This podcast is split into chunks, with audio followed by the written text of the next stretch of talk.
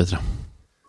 Ég vil ég búin að alveg eða líka Helslags Hann er góður. Já, hann er alltaf góð oh, Það var dætið hann hennar já. Og við erum hjartalega velkomin Við erum í Nova Sirius stúdíu Stúdíó. Lilla alveg. auðlýsingi núna. Já, Við já, ekki að okkur á, á Salgeti já, já, já. Við vorum ekki að eðilega, við vorum bara að bjarga deginum sko. Við erum ekki, við erum ekki að eðilega neitt Nei, nei, nei, nei, er bara að láta Helgi ekki góð vita þessu sko. Já, já. Ég sé að halda fram hjá. Er, er það? Ertu mikil skóðu kalla? Nei, ég, já, bara Helgi er náttúrulega snillingur Já, hann hérna Er það meiri snillingur en finnur það? Nei, þeir eru alveg góðið snillingar. Það er bara Helgi er bara eldri skil að Helgi hefur sko seniority yfir Finn sko. Já. Það munar, ég ætla þess ekki Helgi sig kannski 20 ára, 30 ára eldri. Já, Hann var náttúrulega að vinna hjá sko Nóa, Helgi já, gamla dag Já, Sko, þess vegna fann að góa Já. Nóa, góa Bara stala öllum uppskriftunum Nei, það er og það er. Við skulum ekki Það er að- Ég kann mjög, mjög vel við Helga sko, Helgi er algjör. Er- Eru orðið lægir með það? Já, já. Ok, ok, ok. Við verðum byrjaðir þannig að við verðum að fara að passa sig. Já, nei, Helgi er alveg indislegur og hérna, hann er, hann er líka með mjög góðar hugmyndi, við settum að henni ætla ekki að kynna mig? Jú, Jú, jú, við bara byrjuðum svo mikið í Já, já. spenninu og svo náttúrulega hérna, Við sé- kunnum okkur ekki. svo Já, já. náttúrulega klikkar fólk á á nafni sko, þannig að hérna, Já, já, já. og, og pluss það, það þekkjaði allir. Já, ok, ok. En sko, Guðmundur he, Rabbi. já, þakka þér fyrir Gott að vera komin En hérna Helgi, sko, hann náttúrulega fyrir utan það að hann stiði flokkinn að þá tókum við upp, bara beint upp stefnuna hans í, hérna í þessum húsnæðismálum samkvæmt- sem sem varandi aldra og, og, og unga að hérna að byggja, láta lífverðisjóna byggja litlar íbúðir fyrir bæði aldraða og, og, og unga fólkið. Og lífverðisjónir eru svona í halgunum vandamálu með það að þeir geta hreinlega ég held að sko sé eitthvað erfitt sko lagalega sé fyrir þá að bara fara á stað að byggja blokkir. En þeir geta samt sem að keft hlutabrif í, í byggingafélögum og, og, og þar framöndu gotunum skilur Já, og eignast þannig já, eignast þannig, já, hlutabrif í þeim sem er að gera en við þurftum bara að breyta og gera laga umhverfið mun auðveldara fyrir lífeyrissjóði og það eru lífeyrissjóður til dæmis í í ýmsum löndum til að við tökum bara Sviss sem að við, við getum miðað alltaf við vegna þess að við vitum að það er allir lægi Sviss. Þeir kunna að gera við úrin Ok, já. og Þeir búið til gott súkulagi að þeir hérna að það eru lífeyrissjóðni með cirka 10% af sínu fjö í fastegnum sem þeir leigja út. Ok. Og, og, og þá bara leiða þær út bara á mjög hagstæðu verði ymmit fyrir ungt fólk sem er að byrja sinn sko feril sem er nýkomin úr námi eða, og, og, eða eldri borgara. Og, eh, og eh, við erum með í lífeyrissjóðskerfinu núna íslenska við erum með 6100 miljardar sem er sko þú veist ríkisútgjöldin er í kringum 1000 miljardar, þetta er sexunum ríkisútgjöld. 0,0001% af norska olíusjórun Já, já, já, ég meina þeir, þeir eru ríkar en við náttúrulega. En, hérna, en sko við getum alveg ef við hugsaum þetta bara inn í framtíðina þá getum við, ef við tökum reiknum með því að taka 10% af íslenska lífisúskerfinu það eru bara, bara, þú veist, 600 miljónir 600 miljardar og það því að gera allt í einu það er að gera, þú veist, 10, 50 þú veist, Er það að tala um að byggja þá já, og leiða þeim að byggja og leiða þeim að byggja, já, og það er að hafa bara búið til ný hverfi, það þarf ekki endilega að vera miðbar reykjaðugur Vil ekki vera þar einhvern veginn og, og bara Jú, jú, en það er bara sem sem vilja bara vera líka einhvers stað annars staðar ef það er ódýrara og hérna, og tala nú ekki um ef það eru góða samgöngur og hérna, hann er að ég held að, að ég held að þessi sko, við, að- þetta sko safna líki tækifæri fyrir lífyrirsjóna að dreifa sínir áhættu ekki bara vera með í hlutabrifum og skuldabrifum heldur líka að vera með það í leiguhúsnaði til þessa fó- fó- fólks skilur, ga ga gamla fólksins sem er að fá lífeyriskrislunar, þeir eru með, það er þeirra kuna hópur, þeir vita hvað hver fær þannig að það þurfum ekki, þeir þurfum ekki að fara að, að rannsaka það nákvæmlega hver, hver er að borga leiguna þeir eru, þetta eru þeirra eigið fólk. Og svo náttúrulega unga fólki sem er að vinna fyrir gamla fólkinu með því að það vinnur allan daginn og þau, þeirra lífeyrisgreislu farin í þessi almennu sjóði. Þannig að gamla fólki er náttúrulega að njóta bæði síns starfs og náttúrulega unga fólksins. Og vandamáli hjá lífeyrissjón núna sem að, eh, hérna, stöndu framfyrir er að það eru miklu fleiri að verða gamlir heldur en ungir sem er að koma inn á vinnumarkaðin þannig að það er skekkis skilur þannig að, að það er alltaf færri hendur sem að vinna fyrir fleiri sko munnum eða, já.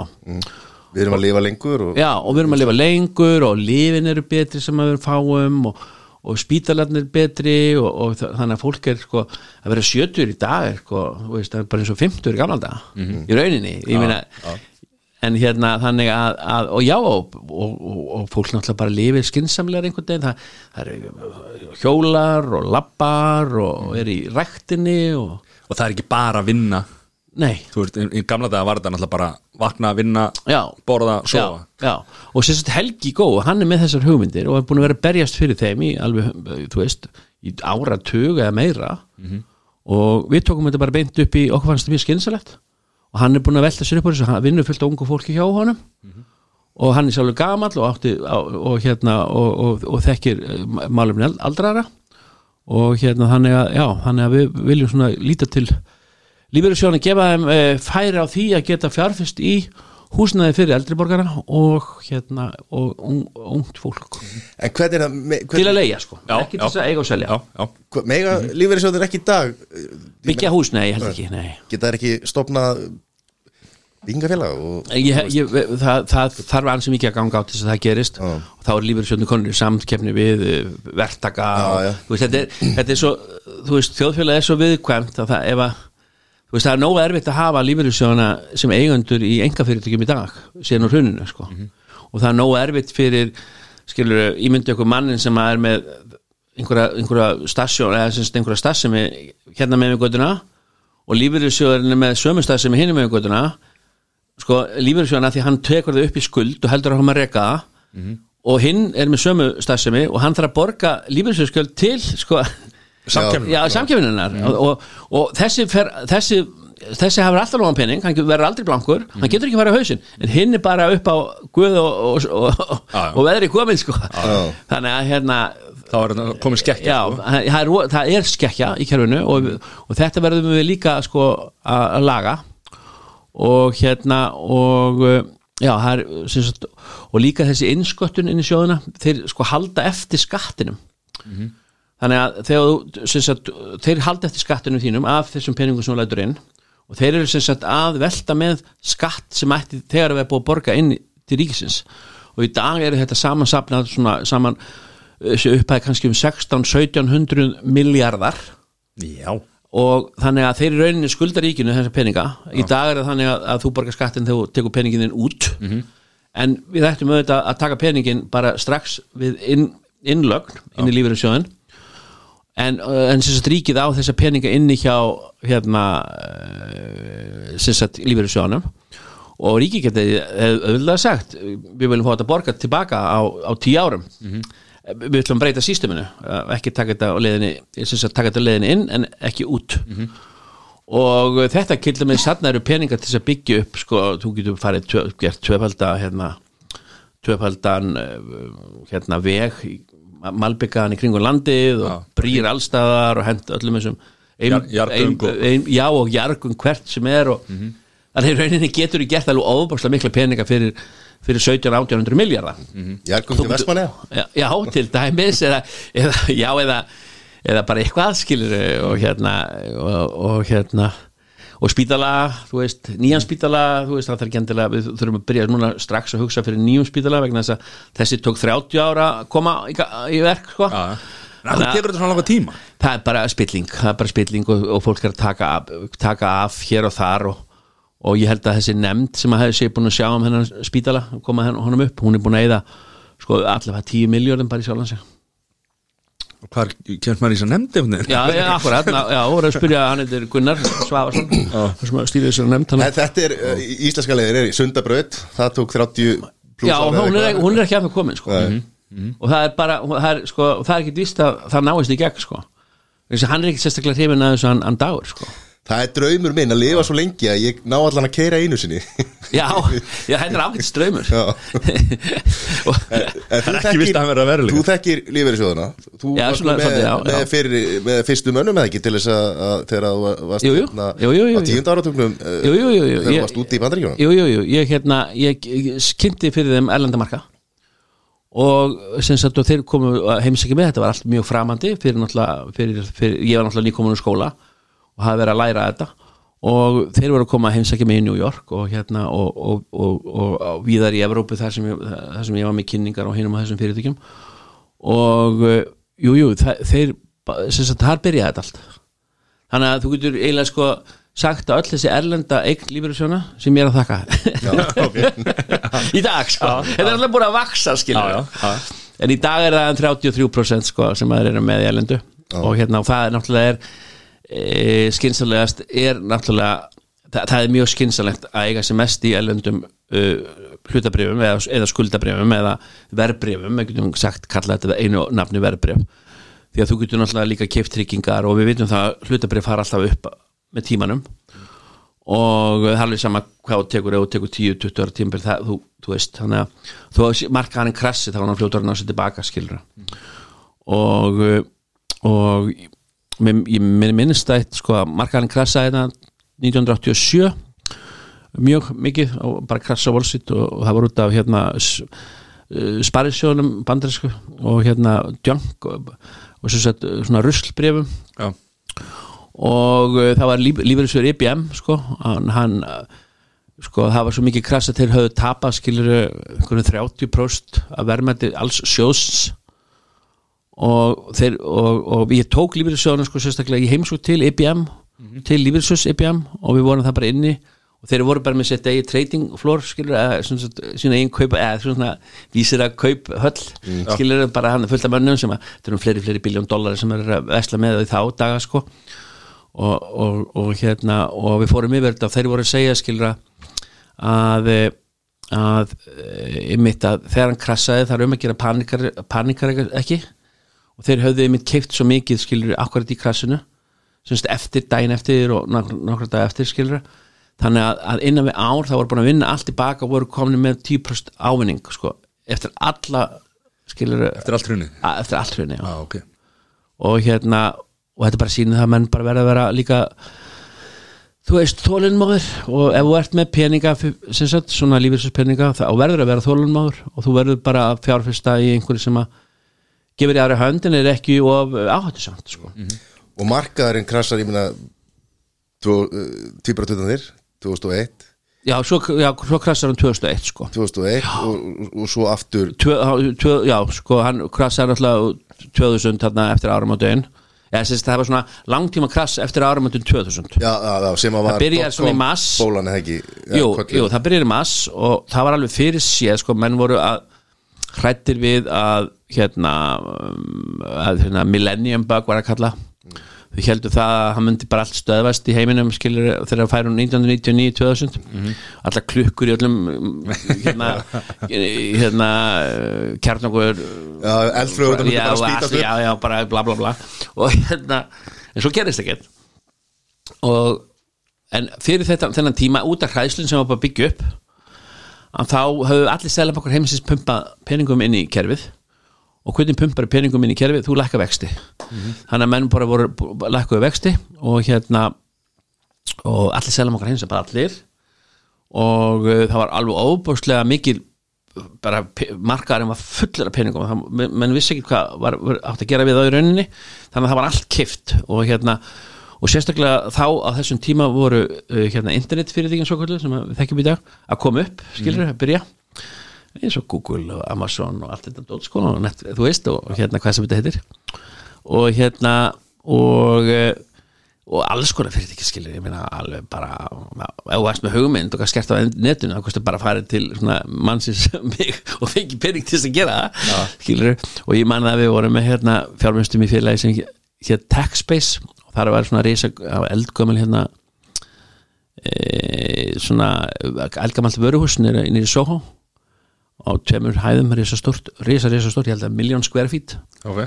Og hérna og þá delir ég mig nýju til þess að byrjaði að sérla Keti baka til svona 20 myndir og hérna já, 100 á serfitra og hérna og hérna og þar inni þar sem sagt, eina sem við sko sögum allir, þið geta allir komið hérna fengið skrifstofpláss, eins og bara þetta svæði hérna inni, mm pínlítið eða stærra. Og allt í svona hólfum sem var þetta stakka, minka eða hvernig sem er og svo var náttúrulega sameigilegir hérna svona fundarherbyggi fyrir allir gáttu að nota, þetta er bara panta tíma. Og þetta er allt nýtt þá sko. Já. en í dag er þetta alls þar Já, og hérna og hérna pool table skilur og restaurant og alls konar, alls konar dót. Og þarna voru einhver sko kannski 100-200 internetfyrirtæki. Og einu sem við, mjög láglega og einu sem við vildum fá, við vildum fá fyrsta sjensin á fjárfyrst í það Já, ok. Skilur, first money in skilur englapeninga þannig að þeir eru það að skrifa upp á það skilur þannig að ef það var einhver snið hugmynd að þeir vantar pening þá verður þeir að koma til okkar. Og, og þetta bara gekk alveg rosalega vel og við opnum síðan hérna einn er eftir frutan Boston og svo einn er í Texas og annan út í Vestusönduna og svo var, komust stóru hákallanir inn í þetta, Goldman Sachs og svo, pú, svo sprakk allt og allt fór allt á hausin Já, ég meina, þú veist, í, þegar Já. internet krassið, Já. það bara fór allt Já. fjandast til, sko. En árum við förum hérna meiri að þetta Hvað er uppbrunnin? Hvað hérna ert- Ég er bara alveg upp á langoltsérif Já, og hérna inn í Vóm, hérna, sérst inn í Östurbænum já. Og gerst í skóla Ég var í Vóskóla og svo bara í Vestló. Ok og hérna og, og svo, já, svo var ég í Vestló og svo fær ég, og komst ég út í þetta eina ár hann til Florida, ég var 17 ára. Já, það sem ég sko, ég, málið það að hérna, ég svolítið fyndið að hérna, ég átti að ég átti skal segja að hérna ég var að reyna að sækja um sem skiptinni mig ég vildi komast út sem skiptinni mig á vegum AFS Já, og nákvæmlega okkar á langansennum að þau höfðu alltaf verið með skiptinema og konan sko hafði, sagði sko að með, með, með, hafði engar áhengjur við erum búin að vera mikið þann skiptinema að við bara byggjum að sérstaklega að að fara veist, við höfum, þú veist, getum við rétt þessu. Og ég var alltaf mjög ánægð með það hérna, svona spilling, sko, það byrjaði að snemma sko. ja, sambönd eða spilling. Já, er þetta allt spurning já, já, sko. ég er bara að grínast. Og hérna blessir og hérna og, og hérna og uh, svo voru nokkri strákar í bekknum. Þetta við vorum í að klára Vestlun skóla próf þú veist, við vorum bara eftir tvö ári Vestlun og það voru hérna tveir í mínu bekk sem allir líka sem skiptinni mig skiptinni maður. Og einn komst nú til Nýja Sjálands og hérna og það var einn sem vildi fara til Amerika svo ég. Og það var góð vinnu minn. Og hérna og þetta var heilmikið mikið vesen að, heilmikið dót sem þú þurftir að fylla út um sjálfa þig. Og þú þurftir að gera alls konar svona hluti og, og svara alls konar spurningum og, og meðal annars var alls konar spurningum sko, hvað myndur þú gera í þessu tilfelli og hvað myndur og hvernig ertu svona og undir þessu undir pressu og hvernig myndir, myndur þú taka á þessu og svona. Og, og, og hvert hefur verið farið og hvert hefur verið komið og svona, þú veist, verið að spyrja svona, vera að fi- finna út því hver maðurinn er og hérna, og ég hef náttúrulega aldrei verið spurður, þetta var náttúrulega partur af prógraminu í voðaskóla að skrifa sjálfan sig. Þannig að ég, hérna, ég, ég, ég er sportur ekki best að náða að kaupa sportreikabókina hérna. Út í búð. Og ég, og ég, og ég finn einhverja svona rosalega flotta setninga hvernig sportreikin er, ég, ég er nú svona svona sexir og allt í lagi skilur þetta var rosalega professional skilur þetta er náttúrulega ekki einhver ungu maður sem að sem sem þeir maður sá það allir í gegnum það strax. Og svo var ég náttúrulega að monta með það ég hef nú ferðast þarna og það var henni búin að vera að ég vinn í búð skilur versluninni við í staðinu minn alla mína æfi skilur svona lítil putti og Með vestis blóð eða já, veist, já, já, allt var bara allt sko talið upp og, og ég var svo ánað með smíðina að þú veist að ég hérna sk skilaði sinn og svo ringi ég í Pétur við minn sem átti að ætla að reyna að komast til hérna og ég segi Pétur ertu ekki búin að skila rítgerðinni þetta er búin að vera meira vissið sko? Hann sagði nei hvað, já það er í dag. Hvað séru, shit maður ég, ég, ég glemt, ég vissi það ekki maður ég er búin að gleyma því. Þá segi ég, já það er í dag. Þú getur kannski reynd að fá að skila á mánudaginn og ringdu bara í þá og hérna þú getur bara að klára um helgina veist, og ha ha ha veist, og jú, jú, hann gerir það og hann fær að skila bara sagt á mánudaginn og hann skrifa eitthvað nokkuð blöð skilja eitthvað sjálfan sig sko, auðvitað komst hann en ekki ég. Já, það er svoleið já, já. Hann fekk slotti mitt sko. Já, ok. en, ég veit það ekki skilur en, en ég var svo fúll maður og ég, ég var búin að gera svo fína rítkjöðu sjálfan mér maður. Að ég, þetta var alveg bara gott af mig sko. Þannig að hérna, að- þá var sýsti mín og, og máur þá voru þau að klára nám nýr í Flórida Já. nýr í Tallahassee. Það sem að vinnið þinn var líka. Og hérna bossinn þinn. Bossinn, Finnur Gesson Já, og hérna þannig að sko að og þar var e, kall í borginni sem hétt Hilmar Skagfield. Hann talaði svona. Hann var algjörlega amerikani hann var rosalega skemmtilega kall Hil Hilmar? Helmar og hann hafði farið þarna ungur til náms og hérna hafði ílengst í, í Florida. Og konan hans og rosalega hugulega Kristín hérna hún hafa mikið saumakona, hann er að kona. Og hún hafði te- sem sagt, byrjað bara sín business kjóla business að sauma flotta brúðköpskjóla og bara gekk bara glimrandi vel. Og hann var að hann opnaði, stopnaði hann að fyrirtæki með einhverjum amerikana svona kallað Scandia Draperies. Draperies, svona Scandia gardinur Já. Og hann var að selja gardinur sem sagt, þetta var ný hugmynd þá Gardinur já, gardinur sko. Gardinur sem gátt ekki brunnið. Já. Og bruna heldur efni þannig að hann var að selja, það var ný reglugerð í mandaríkana, í all hótel urðu, allavega í Flórida sko urðu að vera og svona dormatoris háskólagarðar, urðu að vera með gardinu sem gátt ekki brunnið, vegna þess að það var alltaf gardinu sem kom eldinum á stað Já og þannig að ég hérna hérna uh, hún, sýsti mín og þau ma ma maðurinn þau rettuðu mér vinnu hjá honum sko. Og hérna eða sögðu sko að hérna ef ég geti fengið sko hennan H3 H3 passa sem að er bara eh, sem sagt vísa fyrir sko verkamann í rauninni sem er mjög erfitt að fá og kallinn hann hérna einhvern veginn uh, hann var hérna í Oddfellow eða Lions eða einhverju skilur almaðurinn. Hérna, kerði upp á svona nýjum Lincoln og algóðurinn í bænum skilur þessi íslíkur elsku kallinn Hilmar Skakfield og hann hérna bara reddaði þessu. Já og ég bara fer þarna að vinna í gardinu vesmiði maður. Og ég var, var settur á einhvern send nýkominn bílpróf settur á sendi fyrir bíl til að keira út gardinu þar um Florida. Svaka dots hérna, ramik dots eða einhvern svona svaka gardinu sendi fyrir bíl og hérna ég held ég hafa bara verið á honum í mánu það var bara að taka bílina með það var allar hvart eitthvað ég kyrði rætt og, og, fara fram og kunni engi Það var mert í bílinu já, já, já, skandi að dreipris og, þá var ég settur í cutting department sko, Já, að skera niður gardínlefni Prófaði að peiki í gardinunum nei, nei, ég pröfaði það eitthvað ekki og, og svo hérna já, já, og svo var, var með teppi ég var í teppatildinni og, blinds hérna, vertical blinds og horizontal, horizontal blinds hérna, þú veist hérna eh, þú veist blinds Já, rimla- rimla gardinur, já, já, Já, já, já, þannig ég hef búið þetta allt til sko. og var þarna og ég man ennþá hvað ég fekk á tíma hann var 3.95 Ok. 3.95 og það vegna þess að sko whopper, double whopper with cheese. Já með frönskum og medium, medium stærða kók kosti akkurat 395 þannig að ég var Já. einn klukktíma að vinna fyrir þessari máltíð. Það er Burger King eða ekki? Jú, Burger King, Já, já, já. Hvort er betra, Burger King eða McDonalds? Burger King. Er það ekki? Já, Já, allan spurning. daginn. Allan daginn. Já, ég er sammála. Hann sem vendist mjög gott líka. Já, ég er sammála því. En, en Burger King er samt meira svona sleazy. Sleazy burger sko. Já. Ég, er, er það besti hambúrgar heimi það? Burger King, Já hann er mjög góður. En, en besti hambúrgar heim, ég veit ekki hver, ég þóri ekki að segja það sko. Hérna, annars, annars er það svona ímsins sem geta búið til góða borgara sko. ekki, það er ekki góða borgara á Íslandi. Nei, Ekki? Nei. Ekki búlan Nei, það er, það er allt innflutt nautahakk frá Breitlandi það er brest nauti því. Er, ég vil bara íslenskt nautahakk eins og simmi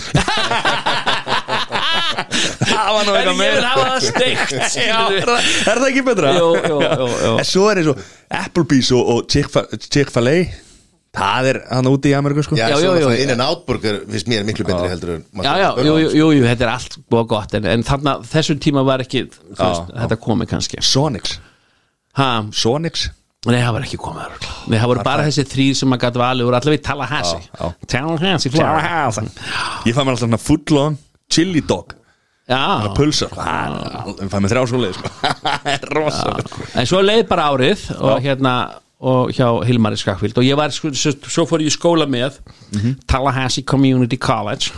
Og það er bara háskólið sem var þetta Nei, já, college, já. Já, já. Community College er svona hvað myndir þú segja, svona eins og hérna, svona, Gaggó eða ekki nei, nei, þetta er svona eins og á flateri hérna svona Lýðháskóli. Lýðháskóli, já, já, já, eitthvað svolítið sjá Já. Og þar bara lærði ég að, tala ensku og skrifa ensku og hérna, þú veist, bara fór í ensku kúsa. Mhm. því að þú veist að veit, veit ekki, veitir ekki af að þú veist að það var alltaf gott að gera það og þeir buðu upp á svolítið kúsa þannig að ég var það bara og, og hérna, og var alltaf með kallinu og, og hérna Hilmar í hinum að þessum ævintýrum. Og ég fekk aftur að fara á bílinn sko. Ok, Það var hérna þessi Þroskaðist aðeins. Hálægtast kalling hægt að hringja. Góðan dag, fiksaði sandvitsuna hann að borðina Talaði Það var alveg frábær sko. Talaði blanda af ennsku og íslensku Já, já, fyrsta, fyrsta sko ennsku, kennslan hjá honum hjá mér og ég lappa hann að sko skrifstofan hans var risastór skilja, það var algjör greifi sko kallinn. Hún hefur bara verið svona og svona góð tennisvöldur. Já, Góði, það er eitt sem við verðum að læra. Við verðum að læra munin á milli. Fuck og fuck. Var- Og svo hlóðan Og þetta var svona rosa fyndin brandari. Og, og þú veist þetta var svo ríkulega lélegt Þú veist Ég sagði já, ég, verð, já, ég skal muna þetta Hilmar. Og maður manstu þetta Ha, já. En hvað kemur svo þegar þú ert búinn hann að Svo fór ég bara heim og hérna og þau eru náttúrulega skýt blankur búin að vera hana í, í fínu og, og þá voru þau hérna ég hafði þá alltaf verið að vinna í Vestlunni Víði. Já, hérna hjá Eik og Matta. Já. og hérna í Starmeri og, og þeir og nýri Össustræti líka þeir voru búð þar og þeir voru að byggja mjóndina og hérna og þannig að ég kom eiginlega heim og, og hérna ég kom heim og, og, og, þeir, og, þá, þá voru þeir að fara í mjóndina sko og ég bara var að vinna hjá þeim alveg á fullu gassi í eitt ár til að koma því bara verkefni með þeim, það var bara svo gaman -hmm. og náði mér í pening og svo bara tók ég ármálun á, á rétt rúma ári sko eftir það til að klára stúdisprófið vegna þess að ég vildi ekki missa sko annað árgangnum sko Já, já. en hérna, nei, nei geggjað. og svo fór ég eitt ár í lagfræði og hérna og og það var bara mjög gott og gaman og, og hérna en e, mér langaði alltaf að þá var Amerika alveg búin að sko ná mér og þannig að ég varð að fara aftur sko. King já, já, og, já og bara frelsi og það var bara annað skilja bara stærra og meira og, og hérna var þú veist, þú veist allir í Belgia gera úlpunum ískalt og, og, og þá var ekkert menn skilur það var ekkert eins og í dag þegar allir eru á bílum og þú veist, hana, þú veist þetta er bara Ísland skilur hana.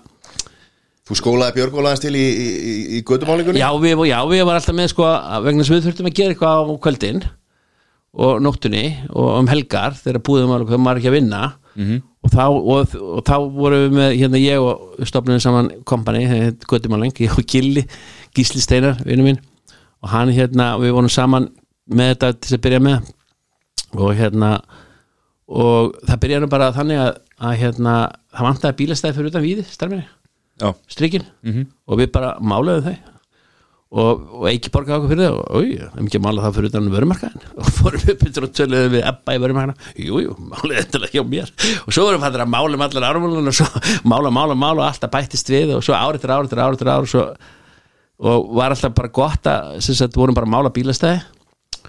Á sumrin alltaf þegar náttúrulega viðræði og var ekki mikil sem sagt og já það mátti náttúrulega ekki vera rigning og það var að vera, sérst, það mátti ekki vera á traffík, skilja, þannig að þú gerir þetta bara á kvöldinu, nóttinu og um helgar og svona.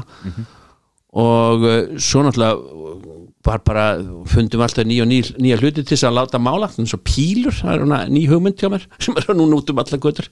Og, og gangbrudar sko hérna, hérna litlar og stórar og þrýhittningarnir og svo náttúrulega líka bláu hérna, eh, hérna stæðin fyrir fatla. Er, ég mála þau skiluru og, og hérna þannig var það ekki dáður? Ha, Nei, hver ekki víslega, nei, það voru ekki bílastæði á þeir það var bara lítil tjenir í bæ fyrir stöðamöluna og það var, borgin var að mála það með svona röri sko, sem að fylltir að málningu og svona, og opnaðir hérna og tapp og og þá lagmálningin í rörið og svo íttur svona þessu undan sér og við náttúrulega bara keftum fyrstulis rör og við vorum að fara í gegnum nokkur rör á, veist, á sumri og svo bara keftum við flotta græður, sprautugræður sem bara svona litla svona, á, sprautur á hjólum sem við kerðum bara áfram. -hmm.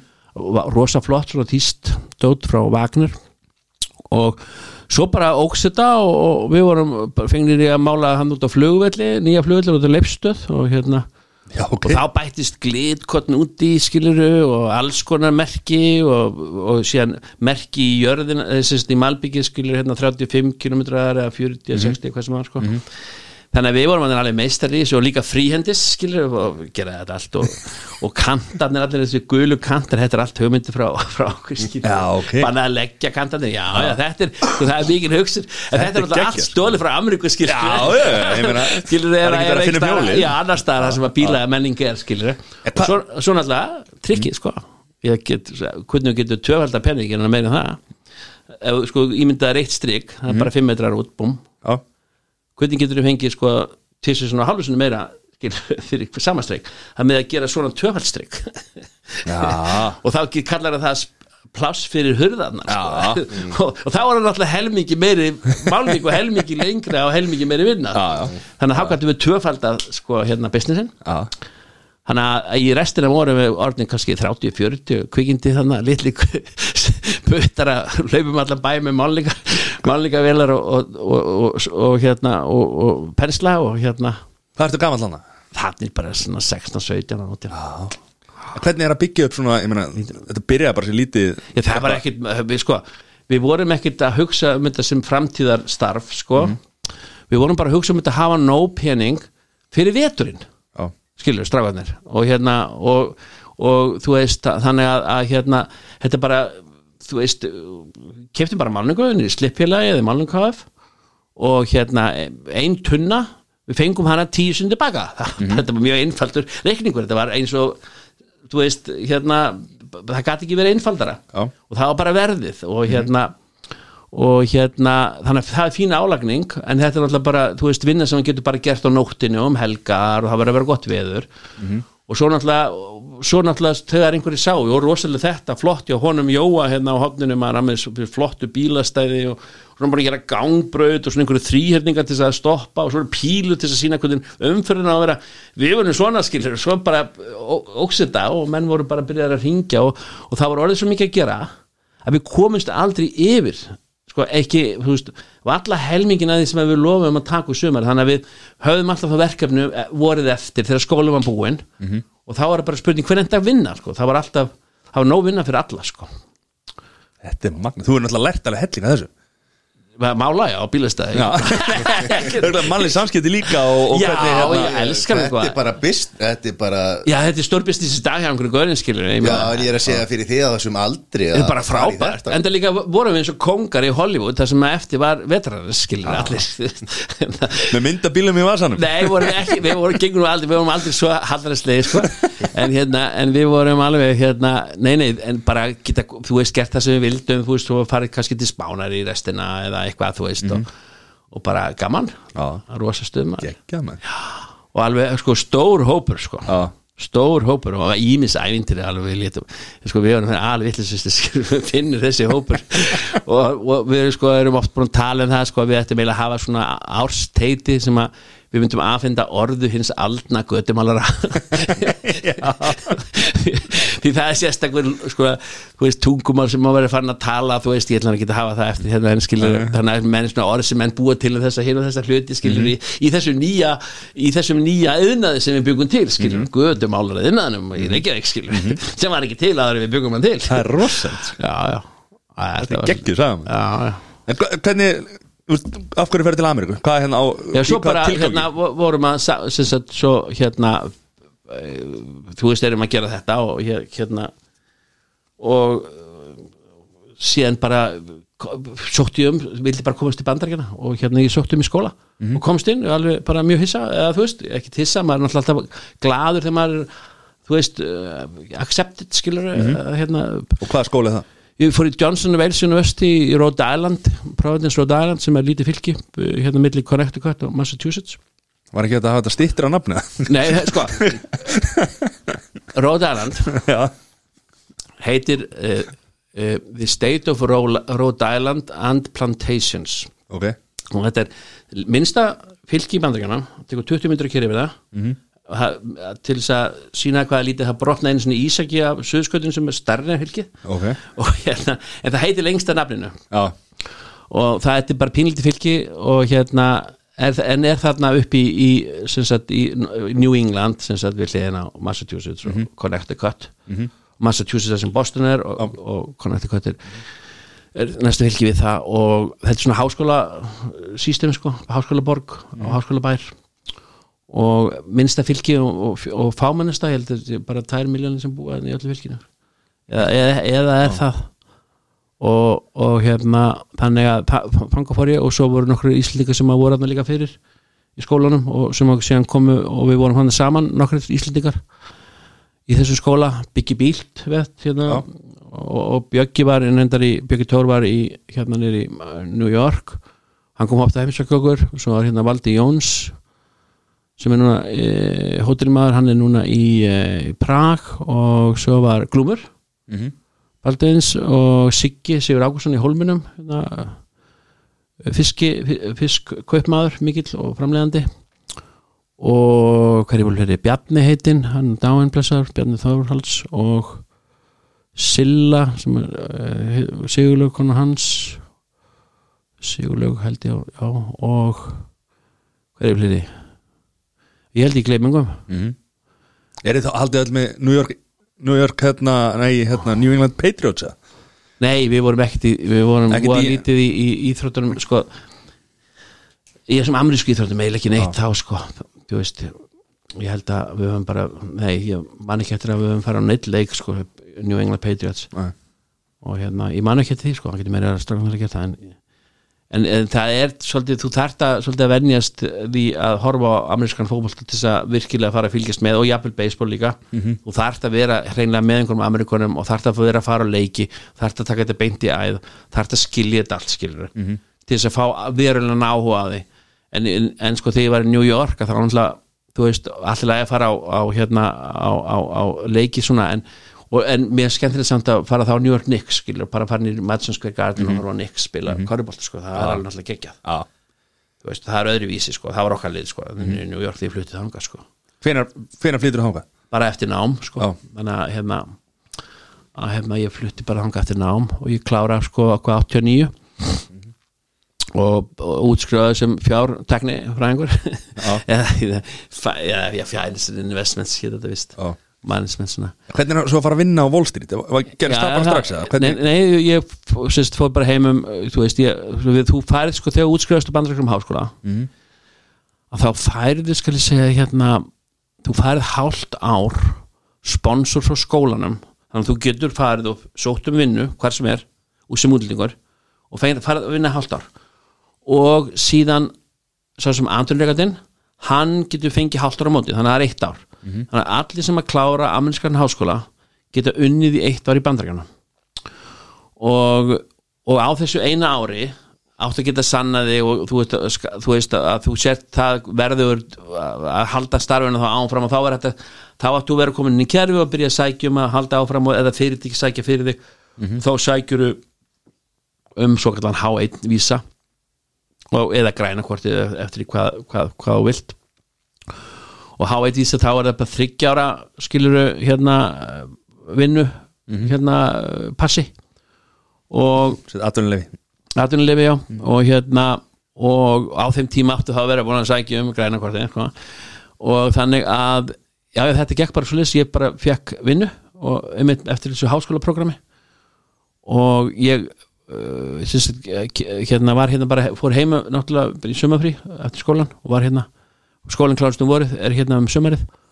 Og, og þar er hérna Amerikani sem að hérna var að vinna hjá Bear Stearns sem að var rosalega flott hérna, verbreyðafirma og hann var hérna heima að kaupa hesta. Uh, eða var búin að vera íslenskur hestamæður í Ameríku. Og hann hafi verið hérna heima að kaupa einhvern hest skilur sem hann var ekki að taka með sér uh, þú veist að þetta koma honum náttúrulega öðruvísi. En hann var að líka að kaupa skeifur til að taka með sér hérna til Ameríku. Og vinnu minn sem var að- aðstofan hérna heima uh, hann er yngvar að hann sagði, Gundi, hérna þú átt hérna hann sportbíl hann og hann er að missa velin, ég getur ekki sótt hann dan fyrir mig og ég hef búin að lofa sækja en ég kennst ekki, hérna getur ekki skuttla hann á öll ég segi, jú, jú, ekkert mála ég sótti Dan slott og, og, og hérna ég vissi ekki að hann væri hérna volsitgur eða eitthvað, þú veist.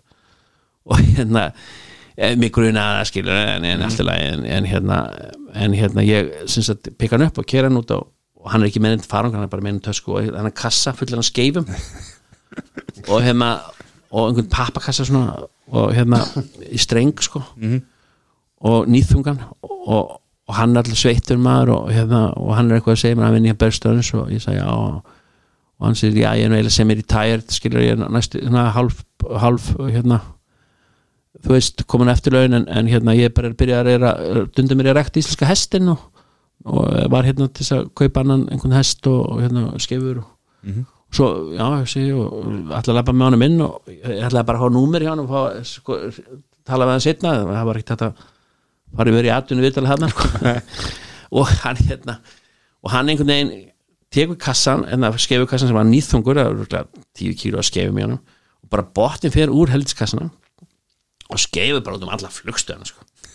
og hérna og ég sé bara my god hann missa vilni og ég bara stekk hérna, til, konunar bak við hérna miðaborðið og segir lána með kassi eitthvað.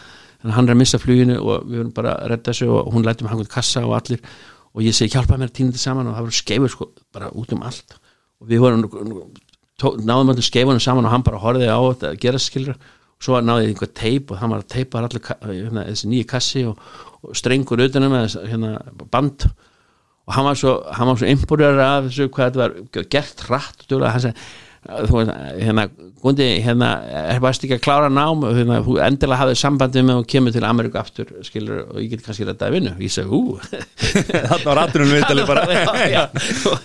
Liftuð og skeifur. Já, já, og hérna og það er bara mikið lukkumerkið þess að skeifur semst fyrir mig og hérna, og svo bara fyrir hann og ég er náttúrulega beigði í nokkra dag og svo byrjaði ég að hafa samvættið hann. Mm. en þá náttúrulega náði ég ekki í hann, leti ekki ná í Ísis sko kallin ah, okay og ég bara ringdi og ringdi og ringdi og, þú veist, og, og þanga til ég loksis náði, veist, mm. ég hugsi að hafi ringt örglega svona 30-40 sinni sko, ég bara, þú veist. Ja. og þá sagði, jú, ég, þú veist þú parðið hérna og talaði við þennan hérna Clive Bergal, vinn minn sem var með mér á Bond Department, skilur, í skuldabræðildinni og Berstöns og talaði við hann, hann er, hann er búin að stopna nýtt fyrirtæki og, og þetta niður á Wall Street og, og hérna, farið bara til hans og talaði við hann og hérna, berða hann um kveðið mína og ég bara náttúrulega bara frábært og sagt, tala við þennan Klæberg og þú, þannig varst ekki að skrifa hann einn bref, það var ekkit fax þannig, mm -hmm. það var ekkit e-mail skilur og ekkit Facebook, það var bara símin skilur gamlega góðu símin það var ekkit hinnum með við sko, þá bara náður ekki í hann. Og ég ringi í kallin, hann að Klæberg á og hérna og ég næði sambandi og hann segi já já ég get alveg hitt er hvernig kemur það bara, gott þessum vest bara og og hérna og ég bara sé hú, og ég hérna panta bara flug og fer bara til New York og, og hérna ég kefti, hérna ég alltaf vissi ekki um sko tískuna beint svona Wall-Street þannig að maður var ekki alveg 100% með þetta alltaf hreinu.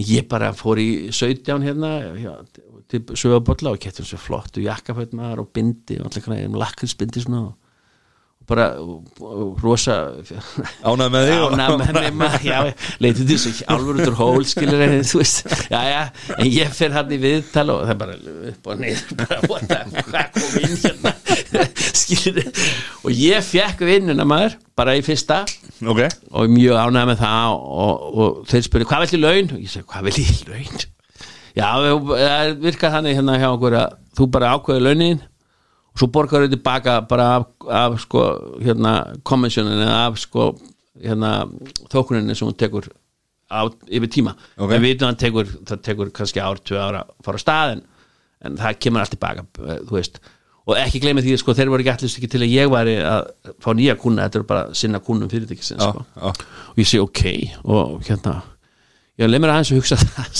ég veist ekki hvað þetta Já, þetta er erfitt Já, mjög erfitt að ákvæða mhm. launin sín já. Ég vildi heldur ekki vera gráðu. Ég held að þetta væri eitthvað test skilur, ef ég myndi segja einhverja stúpid tölu mm -hmm. að þá er ég kannski myndi ekki fá vinnuna skilur, að ég veist ekki þannig og þetta er bara einhverju þrítust annari hæð skilur, einhverju skíakljúi glænjum og allt lyktar öðruvísi og þú ert með mhm. útsýni mm. og þetta er allt svo framandi skilur, og svo mhm. einhverju gaurar þú veist sitjandi við einhver borð og allir horfa einhverju tölfur og maður veit ekkert þetta var ekki í skólanum, maður lærði þannig ég bara, úf ég bara, einhver gaur á langkvæmt senum bara sestur þetta með þessara gamma og, og hérna stórkalla og veist, mm. og, veist og, og þú átt ákvaða launin já, ég ákvaða launin sko. ah. og ég, ég, ég, ég bara kem, kem, kem aftur á morgun og hérna, ég það bara aðtöða hvað kostar að lifa hérna og þú veist, hvað ég get fengið íbúð og hvað það kostar og svona mm -hmm. Og ég fyrir bara út og bara mjög ánæði náttúrulega og, og hérna og þá hitti ég þetta er náttúrulega einhverja krakka hana og þeir sögðu mér að það var kona sem hitt Anna Hart gömur kona sem var að leiða Íslendingunum í, í New York sko. og, og ég fyrir að tala við hana og hún segi já já ég á íbúð handa hérna upp á, uh, sem var upp á 69. stræt á Columbus og bara við hérna Central Park eina blokki burtu Já. og, og hérna ég fyrir til hennar og hún sínum íbúðin og ég segi bara ég tek hana bara og, og þessi íbúð sko kostaði 675 dollara á mánuði. 675 Já, ok. Og sem að var bara mjög sangjant þú veist og hérna og þetta er bara stúdíu íbúð, lítil íbúð þú veist, bara stofa og, hérna Sverinbergi og Eldurskrókur og, og Sturta er svona baðarviki og í svona brownstone byggingu sem að, og þetta var upp á annari hæð eitthvað slúið sjá, annari hæð og þá hugsaðum við, ok, það kostar 625 eða 675 sem sagt leigan. Og svo kostar það að lifa, kostar þú veist eitthvað svipa. Og þannig að segjum 2000 og svo náttúrulega ég ætla að fara að treyta eitthvað skilur ég er alltaf að fara að búa til skilur þannig að ég sem sagt, hérna, segi bara, kemur það niður segi bara veist, þetta var mjög ódýrt lega sko. Já, já. þannig að ég segi bara kallin hérna, ég þarf ég, ég skal, hérna, er í lagi 6.000 dólar á mánu, þú veist, mm. tísinu meðlega þá sagði hann, og það er alltaf fyrir þessa góðra var þetta alltaf bara ekki eftir skil ég sagði, sex er leitt svona að mig. "Ah, þú ætlar ekki að vera þú ætlar ekki að vera að dýra á því ég sagði, þá ég segi strax, helvítið ég hafði sett tíu. Ég sagði sex. Og ég fekk sex og því skatturinn, sko, þú verður að reikna með skatturinn mm Mhm, þannig að eftir skatta þá var ég að fá eitthvað, þú veist, 3500 þú veist, Mhm. og, og þá átti ég nóg fyrir mat og fyrir- ferðalögum og fyrir bara að lifa og að gera allt sko. Þannig að, og, og svo hérna svo hérna eh, er ég bara settur bara strax í vinnuna og hérna ég lendi við hliðina á einhvern gamlingi Bob Stein, Robert Stein alveg rosa indislu kallmaður, alveg frábær. Og þeir voru, bæði, veist, þeir voru alltaf allir að þessu kollum skilur fengu sér martíni í hátinu sko. Þannig að þeir voru, þú veist ef þeir komið vinnuna skilur þá voru þeir við svona vel í því að fá sér já, aðeins. bara, Hér dæmum við ekki, sko. Nei, nei, og hérna og, og eða þá eftir skilur það er eftir, og þeir voru, að- það er eftir hvernig þeir voru að díla, hvað þeir kúnun þeir voru eða þeir voru, þú veist, í Hawaii, þú veist, það þrj- þrjá klukkutíma undan eða Evrópu eða Já, já. og þannig að þetta var svona mikið, mikið stuð á mönnum hana og, og hérna og, og hérna og Bob Stein, hann segir, já, hann er bara kannski best og byrjið bara að hjálpa mig með Rolodexi mitt og, hérna, og farið að skrá við þetta sem ég er að gera og svona, og, veist, og byrja, byrja bara í róli heitum að gera bara það sem að svona það sem að gera svona baka til í böngu skilur þú veist með brókunum þú veist að þetta var allt unni í höndunum skilur ekki gleyma því að þú veist það var ekki, ekki engin e-mail eða neitt þannig sko, og ekkert svona allt fullkomið eins og í dag skilur tölvutút og komissjónunar skilur okkur um trade eða þess að hérna uh, tókunin fyrir hver, hver viðskipti þetta var bara töflu skilur þannig að þú veist með verðin hérna og magnið hérna og svo fórstu í niður hérna þúsund brefi já 86 já þetta er komissjón hérna þúsund dólar eitthvað. Já, ok. Það er allt svona Já, já. og komissjónan þá var miklu herri í dag. Í dag er hún bara 1-2 cent á, á hvert bref en þarna var hún alveg gætu verið bara þú veist, menn gott alveg unnið sér inn 5.000 dólar á dag og auðvitað 10.000 dólar já og, og þannig að Þú fannst um það í mánarlun já, ég, já, akkurat þannig að þú veist, bara að þetta var eitthvað litið á mig skilur og, en allt í lagi vegna þess að ég var náttúrulega skuldaði með ekkert skilur Já. eftir fjóra, fimm mánu þá náttúrulega var ég bara, þú veist, var komin í plus og, og hérna, ekkert mál með það. Já, og hérna og síðan var að hérna síðan sko þú veist, er ég svona þú veist, hoppar, opna reikninga fyrir einhverja vini skilur og ég ringi þennan vin og þennan og frænda minn og þennan og, og er búin að opna nokkra reikninga sko og þeir eru svona að senda, þú veist, 200 dólara og 300 dólara og svona bara einhverja litlar uppaði sko. En það líka, þú veist, það, ekki, gleymið því ekki að það var einhver peningar til á Íslandi þá. Og þannig eru, þannig er lífið þannig er landið ennþá lokað skilur því að það er samningunni kemur ekki full not fyrir 93 og þetta, þú veist, þetta er hérna en ég er samt að undirbúa það allt sko á þessum tíma og hérna og svo kemur kallin hérna, hérna Bob Stein og segir Guði, pappi minn hérna, hérna Bernie Bernie Stein hann vinni hjá Newburger and Burnham skilur og ég vissi það sko en hann, hérna hjá, hann, hann sagði með það að hérna að hérna, AT&T er að fara að kaupa NCR hann heyrði þetta golfvellinu ég segi, hvað sér? Er þetta instant information? já, já, segir hann já, þetta bara en, en, en fyrst að pappi búin að heyra þetta golfvellinu þá veit þetta nörgulega fleiri sko. Ég svo verði nú ekki tekin og ég segi, hvað segir hann? AT&T að kaupa NCR já, ég ætla ef ekki að kaupa options. Ég segi, jú. Og hérna veist, og ég hérna sé það að, að sko, þetta var einhvern stokk, það er svona hlutabrið sem kostaði eitthvað bara, þú veist ekki, ekki dýr kannski 10-20 dólar eitthvað slis -hmm. og, og, og það, það átti sko AT&T ætlaði að kaupa þetta skilur, kjátti saman var að þeir ætlaði að kaupa þetta miklu herra og þú á, sagt, á í, á markanum þá getur þú keift hérna svona kaup, eh, svona options call options er að kalla, þá getur þú keift réttin á að kaupa það á einhverju verði í framtíðinni. Ok, þannig ef að hlutabrið er að seljast á 10 og þá getur þú keift það kannski á 1 cent þú veist. Mhm. réttin á að kaupa innan þryggja manna á 20 já, skilur, bara já, réttin. já. Og það er á 10, þannig að þetta er alveg vonlega bet skilur og hérna og ég sé bara, já, heyrðu, þetta er gott og, hva, hva, og þá sér ég, ætla að kaupa þessi fáralegu hérna bara 1 cent eitthvað, þú veist og, og hérna þr þryggja mána sagt, og svo bara, ef ekki gerist þá bara eftir að tapa peningur, þetta er rauninni bara eins og veðmál rauninni. Og ég segi, já, þú segir maður og, og svo bara kaupir hann og, og fyrir alla sína kuna og ég bara fylgi með og ég kaupi bara fyrir þessa fáu kuna mína, íslensku vini og frændur og, og, hérna, og viti menn maður. Hérna, kefur ekki segja bara nokkur til að setna bara hérna AT&T yfir hérna kefur með hérna yfirlýsingum að þeir ætla að kaupa hérna NCR sko á 45 dollara. Og það endaði sinst í 65 það sem kom bidding voru eða svona stríð sko um, um að kaupa. Já.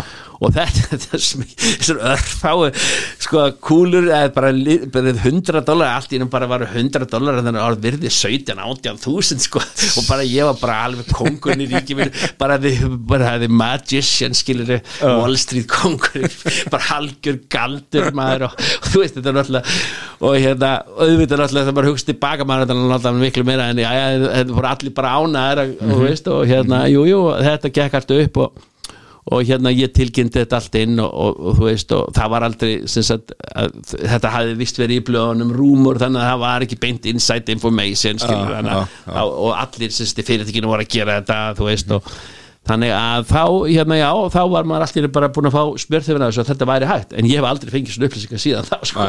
Þetta var alveg bara algjör byrjenda hefni Mhm. Og hérna og þetta var nefnilega svolítið erfitt að byrja með svona heppin sko. Já, vegna þess að núna vildu þessir strákar og frændur og, og vinir þau heldur að þetta myndi náttúrulega bara halda áfram. Alltaf, bara nýtt og nýtt og sko, nýtt, já. já, og getur ekki komið annar svona þú veist, og ég sagði nei. Og það var hérna þannig að nei, nei, en síðan náttúrulega bara hérna var þetta gott hjá okkur, já, svo hérna vorum við hérna fyrirtæki hétt Berserk International við, við kvöldum það Berserk International. Eins og fara berserk og hérna og svo kemur eitthvað við þetta að það vorum búin að vera hérna í kannski eitt, tvö ár ég og Bob Stein og hérna. Og þá kemur hann á sig hérna, hérna vinnunars pappa Nate Genser hann var að kaupa Oppenheimer Company ef ekki bara fara þangað, það er miklu betra að vera þar þú veist, starra fyrirtæki og, og hérna. Og nær, nær, nær, meiri betri bygging, hinn með bara við niður World Finance Center sem er hérna World Trade Center. Já, já, Jú, jú, við fórum þangað og, og hérna og fengum betri díl, sko. Fengum Harry Commission, mm -hmm. og hérna og betri skrifstöðu og hérna betri útsinni og, og meira stuð og, Já, og hérna og við fórum svona yfir sem tím, sko. Já, ég Bob, ég fekk að fylgja með sko. Og bara því, hann bara elskulegu kall sem að, þú veist, og, og hérna þannig ég fór þangað og var hjá Oppenheimer í nokkur, nokkur ár. Og uh, og svo fór ég yfir til Burnham og var þar uh, tíu ár sko. Og varst alltaf að kaupa og selja sett hlutabrif og, já, já, nei, sko, já, fyrst sko, var ég, já, í því og svo náttúrulega bættist við skuldabref og svo náttúrulega hitt og þetta og svo enda ég svona meira í náttúrulega var alltaf að gera þetta með, þú veist, það er þetta, að þetta er ekkert mál, skilur þú veist, að kaupa og selja skuldabref, hlutabref, það er minnstamáli heimi.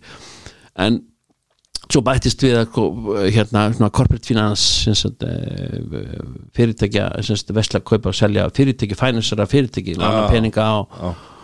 og, og taka þátt í sko því. Og það er miklu meiri, meiri, meiri herri uppæður og, og meiri komissjón sko eða meiri þóknun. Og meðal annars að fyrsti dýlinn hérna heima sem var gerður svona var náttúrulega stöð 2 því hérna við seldum stöð 2 á sínum og það var bara fyrsta equity sko það var fyrsta hérna hlutabrifa sala á Íslandi til Ellens fyrirtækis eh, í sögunni sko þannig? Já, að ok. Já, það var, og það var bara, luk, bara lukkaðis glettilega vel.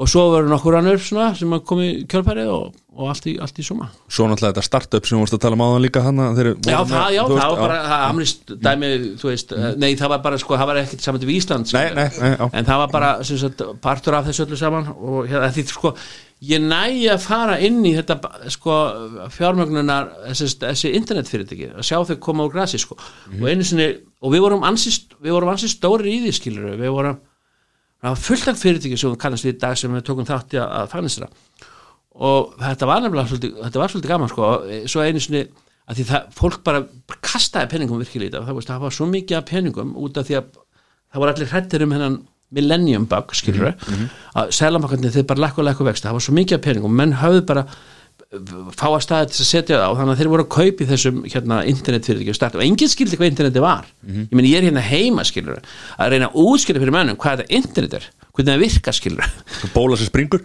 Já, nei, bara, nei, bara hvað þetta internet er. ég er að skilur, ég er hérna heima skilur er að kynna internetið. Segi bara internetið sko sko bara, veit, veist þetta virka þannig að, að þú bara ert með tölvunum fyrir fram að þér og þú lætur inn svona einhverja svona slóð skilur einhverja adressur, hvað er þetta adressur og þá bara ertu komin þarna inn og getur bara gert hvað sem er þarna. -hmm. og þegar þú ert að Þetta er svo frumstætt sko. Já, já, og bara, ha?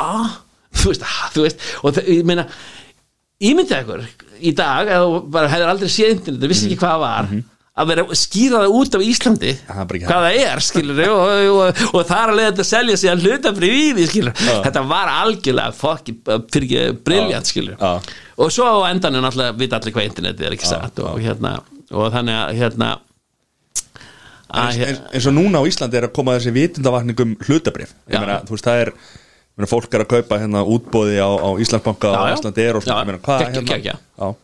Nei, fólk tók náttúrulega eitthvað þátt í þessu í kringum Já, Jú, já, decode og, og, og, og, og, og það svo þeirra byrjaði sko, já, já, já, já, já, Það sem að almenningur kom inn í sko. Já, já, já, já, já, já, já, Þetta er, þetta er rosa mikið í umfyllinu núna samt, sko, hvernig, úr það þegar náttúrulega nokkur fyrirtæki búin að koma inn sko, en, en hann já, já, þetta var eftir að sko, bara ef að hlutabrifamarkaðarinn færi að vera í friði sko, ef hann færi bara að vera í friði ekki og sko, ekki vera íþingjanum of mikið með regluverki. Ef hann bara færi í friði og það er hægt að skipta hann um í tvent skilur, það getur verið með lítil fyrirtæki og einu stað sem er meira riski skilur, en meira áhættusamari og þessi stóru hefbundi fyrirtæki, þú veist það er að gera alls konar hluti.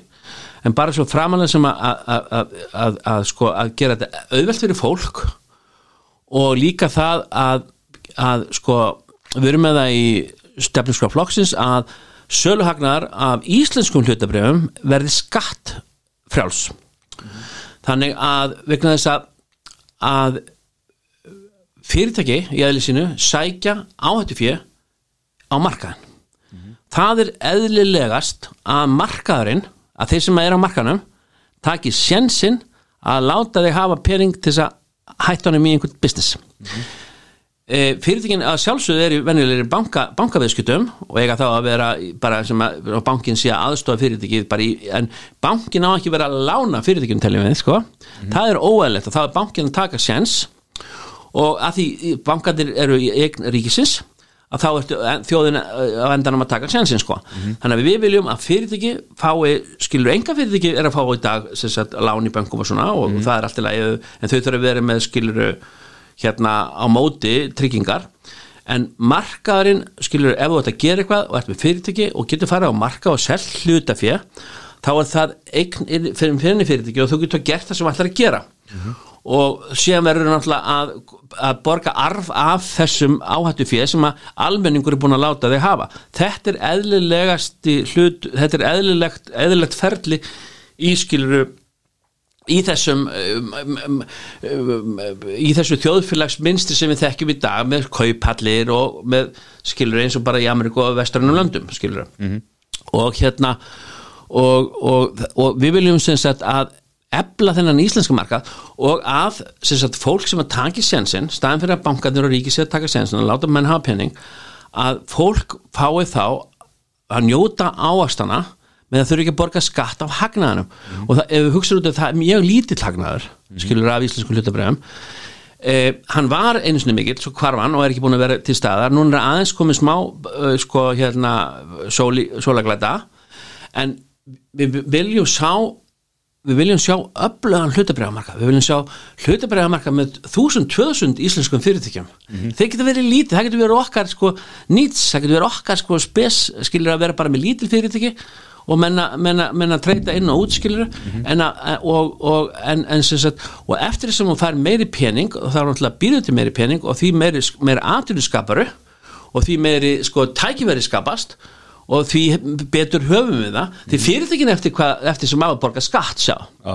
og, og svo náttúrulega skapar atvinnu og þú borgar náttúrulega skatt af þínu tekjum og þar frá þetta góðan skilur en, til þess að, við- en til þess að laða af almenning að markanum svo að, til þess að bara og ég er ekki að tala um að taka sjensa skilur til þess að svo fluglega eða þess að Æsland er útbúið var virkilega glögt dæmi þess hvernig allir geta unna við, við, við saman borð skilur þarna var ríki tilbúið að bakka upp félagið en það gerði það ekki vegna þess að félagið náði í, nægt hlutafél á markaði og þeir voru með lágt gengi sem, sem, að þeir, sem allir sættu sig við og það tvöfaldaðist verðið mjög skömmun tíma.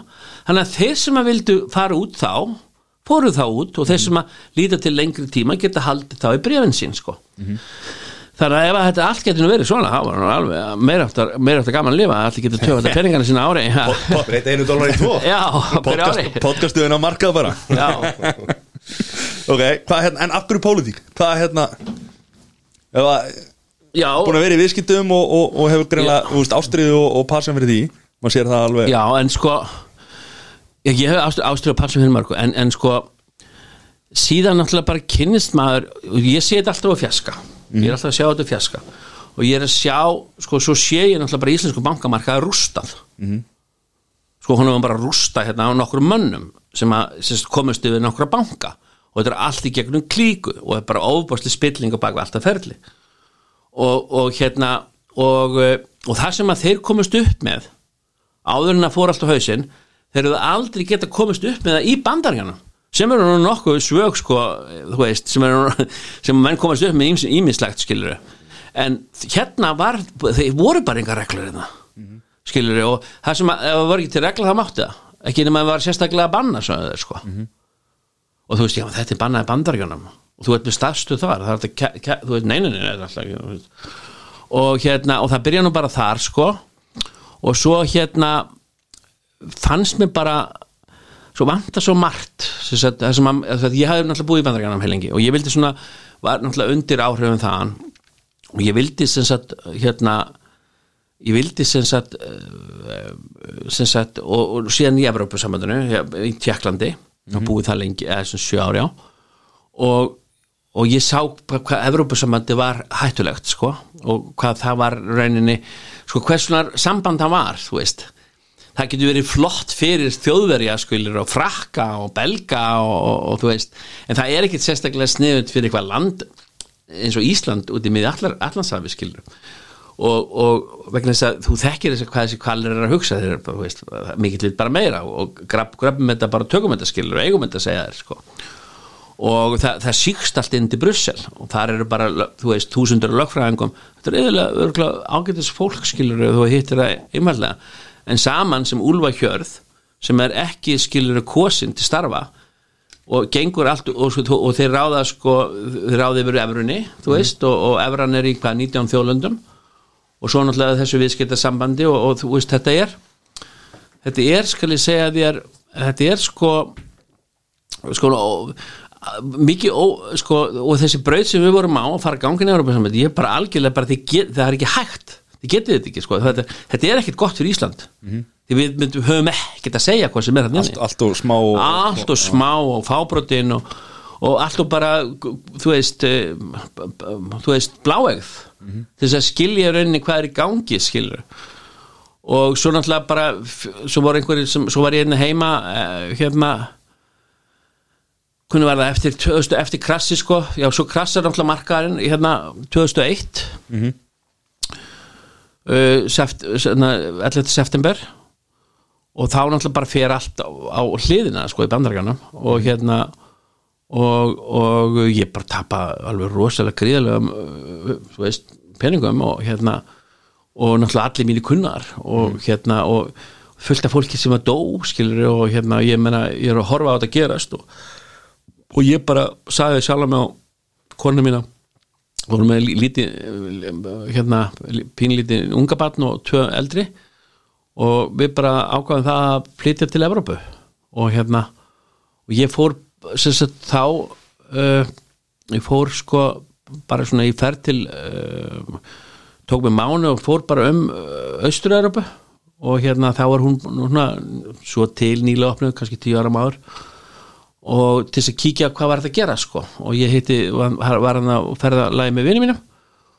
Og hérna og við ákvaðum að hérna hafa kannski stuðið að fara í hótelbusinessin og, og, og ég endaði með því að ég opnaði hótel í Prag í gamla hérna gamla bænum í Gýðingakvarjunu og uh, svona svona boutique hótel uh, 47 herbyggi var það. Og hérna og var þar í einhver sjö ár sko og var alltaf náttúrulega að fylgjast með hvað var að gerast heima og, og, og, og þessum hrunina náttúrulega. Og, þú veist þegar ég er hann úti skilur og, og ég sé að kaupþingar að fá lán ellendis á 15% vöxtum semst að því það hefði hækkað svo mikið sko hérna álægið á það að þú veist hvernig óskopunum heldur að bankin geti lifað af þegar hann er að fá lánað út í heimi á 15% vöxtum því að banka lifa því að lána peninga að þá þurftu þeirra að lána það út á herrin 15 og það var enginn þá að taka lána á 15% vöxtum nema kaupi, hvað þá herra? Því þá eru bara líbor vextir í heiminu þá 4-5% sko. London Interbank og hérna og þannig að þetta var bara búið. Og ég sé bara ég er að ringja heim bankinu fann á hausinn. Ég meina, hvað er þetta, hvernig dettur hvernig, nei það er ekki, það er allt í lagi hérna, það er fínt bankakerfi, þeir eru bara vittlisingar sem heldur frá og, og hún hérna Þorgjörður Katrín í viðreist sagði að þarna einhver ein, sakfræðingur þyrti, danskur þyrti að fara í endurmentun og það var alls konar svona kjaftaði skilur, landi var bara hausnum hvínandi kúpunni, þannig um sömari skilur. Og ég bara skildi ekki af hverju, fólk sæði þetta ekki? Því þetta var svo lás og ljóst fyrir. Við bara öll í einhverju búblu hérna já, öll í búblu, sko. já og hérna og það voru nokkur sem hlustu á mig og seldu brefið sín og eru mjög þakkláttir í dag sko. En hérna, en allt í læg með það og, en svo bara fór þetta allt. Og þetta er náttúrulega þegar eitt banki fer það fara þær allir að þeir eru allir skilur saman tengdir skilur og svo er ég bara þarna út og það náttúrulega, þú veist, hrunni, bankarhrunni hafði náttúrulega alveg líka áhrif í, í Evrópu. 2008 og ég meina og það bara hætti allir að ferðast. Og bara árið, bara hvar það var einn gestur á hótelinu skilur að, veist, og þá náttúrulega lækkuðu þessu, þessu stóru hótelverðin sínir í þannig að þegar ég opna hóteli eh, 2003 ég opna, það tók mig eitt að byggja þegar ég opna hóteli 2003 í júni þá var ég að selja tvöldherbyggja á 250 eurur nóttina. Því ég hætti 2000, 2008 hérna, eða 2009 já, 2009 að þá var verðið komið nýr í 45 eurur Já, já, það er- ekki þetta ímynda ég meina, veist og, og náttúrulega allir kostnæðar hafa hækkað líka í mildtíðinni þannig að þetta var bara sjálfhætt og ég bara heppin að sleppa lifandi út úr því. Og hérna og Hvernig hérna, kunnur við hérna hótelbransa? bara frábælega, hann er mjög skemmtilegur og bara, og, og þú veist mikið, bara hitti mikið fólki og bara mjög gaman og hérna og ég er bara svona, þú veist geskjaf í mér og bara og vill hafa fa- fallegt í kringum mig og hérna, og, og láta gestir að njóta þess og njóta þess að vera að gista hjá mér og þannig að, og, geta verið með góða mat og góða morgumat og kvöldmat og og gott staff og kurteist og brosandi og bara líði vel. Bara, þú veist, bara gestrist gestrið með sem mann er kjönd, skilur, gestrisni og og uh, hérna og síðan bara, er, og síðan bara ákveðum við já, bara flytjum heim. Og við flytjum heim eh, 2009 og hérna og, eh, og ég hérna þá náttúrulega allt, allt hruni hérna og, og, þá er einhver snillingur sem að dettu það ég höf að fara að borga æsif. -hmm.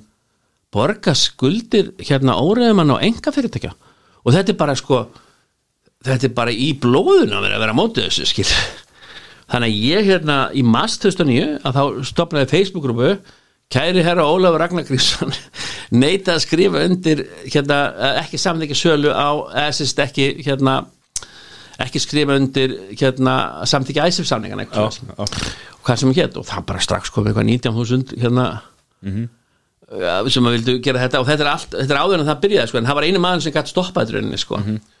Og svo fór sem fór veist, og, og, hérna, og það var bara stoppa og, alls konar aðra grúpur og svo Indifens og þeir, við fórum saman síðan og þessi hópur minn fór inn í þeirra og, og hérna og það bara, sem sagt, unnum bara duglega í þessu þetta, veist og, þá fikk ég bara áhuga á sko politikinni þú veist, hvað þetta væri rauninni sko, hvað við hefðum lélega pólitíkusa og hvað við hefðum, sko, hvað þið voru grunnir og hvað þið vissu lítið. Þeir, sko, og hvað er vin, reynsla er af hennum almenna vinnumarkaði var náttúrulega bara enginn, þetta voru bara lögumenn sem að koma upp um stopnarnar og í rauninni bara afgriðsluð staður. Og draumur þeirra var bara að gera alþingi ennþá meiri afgriðslu stað fyrir sem sagt eh, hérna reglugerðir og gerðar sem koma frá Európa-samvælduna í gegnum EES-sánningin og, þa og það er en þann það í dag er það, er það helmingi vera ástandi núna á þingi, þú veist, þetta eru allt lögfræðingar og það er í rauninni örfá, ég veit ekki, sko ég get ekki nefnt hann í fljótu bræði þann mann sem að hefur sko reynslu úr, úr enga atvinnurekstri nema Bjarni Benediktsson, fjármálarára hann hefur örlittla reynslu en öll þau fyrirtæki sem hann kom nálat fóru á hausinn og Og, og þetta voru gjaldrútt upp á 230, 231 miljard upprekna og ver, núverandi verðlagi sem er eins og tíu ára af skerðingum fyrir alla gamla, all, allt gamalt fólk á Íslandi það er einn maður með sí- sín fyrirtæki sko. þannig að ef þú gefur setið í samingi, við erum gaman að setja hlutin í samingi, það skilur enginn sko, vola fáið sko að gera sig grein fyrir hvað miljar er mikill peningur mm. veist, 100 miljónir, miljón er bara mikil skilur Já. en þetta eru alveg óhemju upphæðir og, og mistökin hafa verið gerð rosalega víða og til dæmis eins og og við gerum hérna stöðleika sáttmála hann 2016, uh, gerum við útlensku bankana. Og þá koma inn 500 miljardar inn í kerfið. Hvar eru þeir straka? Þetta er 500 miljardar Já. Ég hef ekki séð neitt Nei, akkurat. Þetta er allt inn á bókir hjá Matta Nei, en ég þe- sko, þeir byrjuðu á því að hækka laun, sko, fórstjóra, ríkisfórstjóra og alþingismanna og embatismanna ríkisins. Og, og með tilhærandi hækkunum á lífeyris skuldbyrningum, það eru bara 38 miljardar á ári bara ein pennafæsla skilur og svo bara rák, svo lögðu niður kjarar og svo þetta var þeim alltaf að kenna, ekki sjálfum sér. Þetta, sko, þetta er allt svona, þetta er gjör spilt þjóðfélag, alveg frá A til Z ógeðslegt sko. Og, og hérna og þannig að e, þá stopnaði ég hérna stjórnarflokk sem hétt Hæri Grænir vegna þess að ég var ekkert endilega hugsa með, þú veist, neitt annað heldur en að móti veist, og, bara stríða og með G, hérna listabókstaf, og aldrei við bandarlega kallar þetta, sko, þetta er búið til í rauninni bara stríðinni, en til þess að sko, en til þess að hérna líka að hlúa að sjálfstæðarflokk láta hann sjá það að þeir verða að fara að hugsa um skilur sko, sko hérna sjálfstæðismennin sem er í flokkunum, ekki bara einhverja litla klíku sem þess að útgera klíkuna og það eru fullt af fólki í sjálfstæðisflokkunum sem að þá skilur sem að veri bara í enga business og ekki gleyma því að enga fyrirtæki haldi upp í kerfinu, haldi upp í landinu. Það er, veist, það er ekki ríkið. Peningun er búin til í enga fyrirtækjum og, og það eru sko, það eru 200.000 sem vinna á Íslandi, manns. 70.000 af þeim eru vinni hjá ríkinu. Þannig að tveir þriðju þurfa að búið það mikið penning og skapa mikið til þess að borga heinum fyrir þá þjónustu. Og þetta er bara svakalegar tölur vegna þess að ef við segjum að Amerika sé alltaf þúsund sinni stærri þú veist, allt þúsund sinni meira þúsund sinni stærri, þúsund sinni fleiri manns og allt það. Þetta myndi þýða það að það innu 70 miljónir manna hjá bandarinska ríkinu. Jafnvel við myndum segja eitthvað þá. Skilur og þeir eru með her mm -hmm. skilur þannig að þið sjáu hvað þetta er fáranlegt sko að eitt þriðji af þjóðinni vinni hjá hennu ombera, vinni hjá þér þið eru í enga business ekki satt? Mm ef við verðum þá þrýr þá var ég hjá ríkinu. En þið var að borga Já. Mm. Það er mikill heiður bara. Nei, þetta, en hvernig- þetta gengur hvernig ekki, þetta sko. breytið? Já, það er erum það er með- því að spara.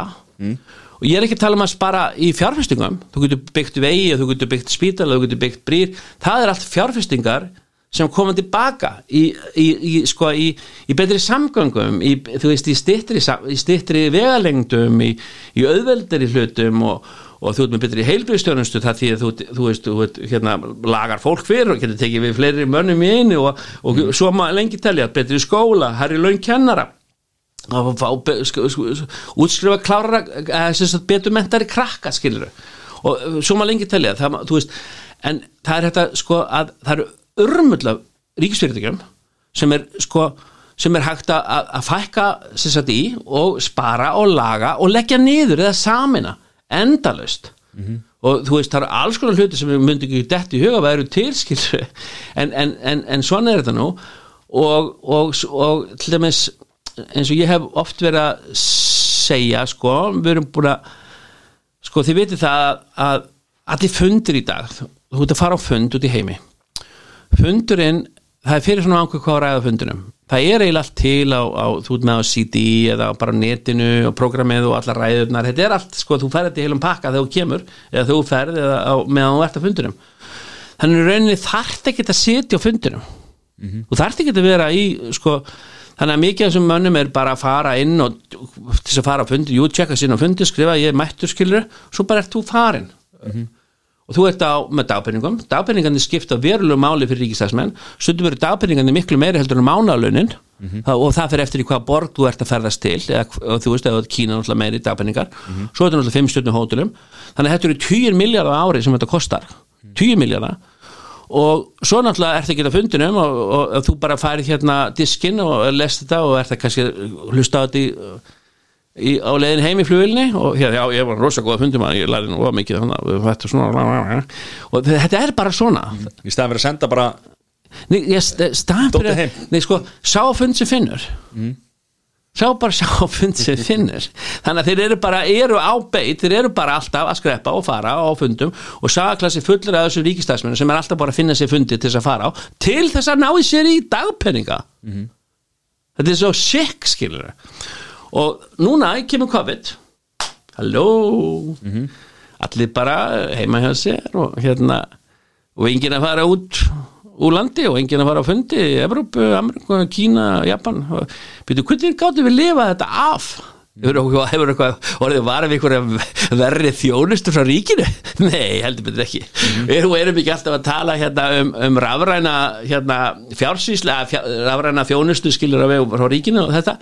Skilur, þannig að við sáum, sáum leika á borði. E, þar það var að tala um því að þetta byggð er ekki satt. Er það það betri heldur en dreifð byggð? ekki að mínum að því. Nei, akkurat. Það er nefnilega, það getur verið líka gott. Þetting, byggða getur verið góð líka dreifbyggð er mjög góð. Og þess vegna komum við með hugmynd sem heitir störf án stæsningar og það þýðir það einfallega að hérna að að þú getur, að ríkið fer í forsvari fyrir þessar breytingar og þetta er bara ein lagabreiting er, þú þarft ekki að gera neitt. Þú bara breytir og segir allir fundir á vegum ríkistofnana og ríkisfyrirtækja verða að vera í bóði í fjárfundabúnaði og stafsmenn ríkisins geta unnið sína vinnu heimann frá sér ef þau geta, ef þau kjósa svo og það, sagt, og það fungerar inn í sístemins, sko, ríkisfyrirtæki, hvernig það er. Ímyndi ykkur, þetta er múin að vera meira minna svona, meira að segja bankarnir sagt, bankarnir og þessi stóru þjónustu fyrirtæki fólki hefur bara verið mikið til heima. Það hefur kannski farið á skrifstofun einu sinni viku eða jafnvel, skilur, kannski tvisar kannski einu sinni, kannski ekki. Og, og þið þekkið þetta bara öllu þjóðlifinu þannig að að hvað gerir þetta? Nú þetta sparar hérna allar þessar ferðir þetta sparar allan gjaldiriskostnarinn að kaupa einn ein bensin á bílinn. Þú þarft ekki að leita, bílastæði lengur, þetta sparar borgarlínu þú þarft ekki að byggja borgarlínu vegna þess að fólk getur bara verið heima á sér. Og þú getur, átt, hei, þú getur verið í vinnunni út um all land. Þetta myndi taka pressun af húsnæðisverði á Stórreikjóksvæðinu og, og sagt þannig að, að, að húsnæðisverðið er viðra, viðráðalega þetta myndi hækka hugsanlega verði út á landi. Fólk gæti verið átt heima á höfni hófnaferði og verið að vinna í Reykjavík. Það geti átt hvar sem er ungt fólk þyrfti ekki að fara heiman. Líka er þið saman með námið, allt fjarnám all, all, all, allt námsefni sem sagt í þessum skólinn sem eru eign, eh, hérna undir í handæðari ríkisins sem er flesti skóla í landinu.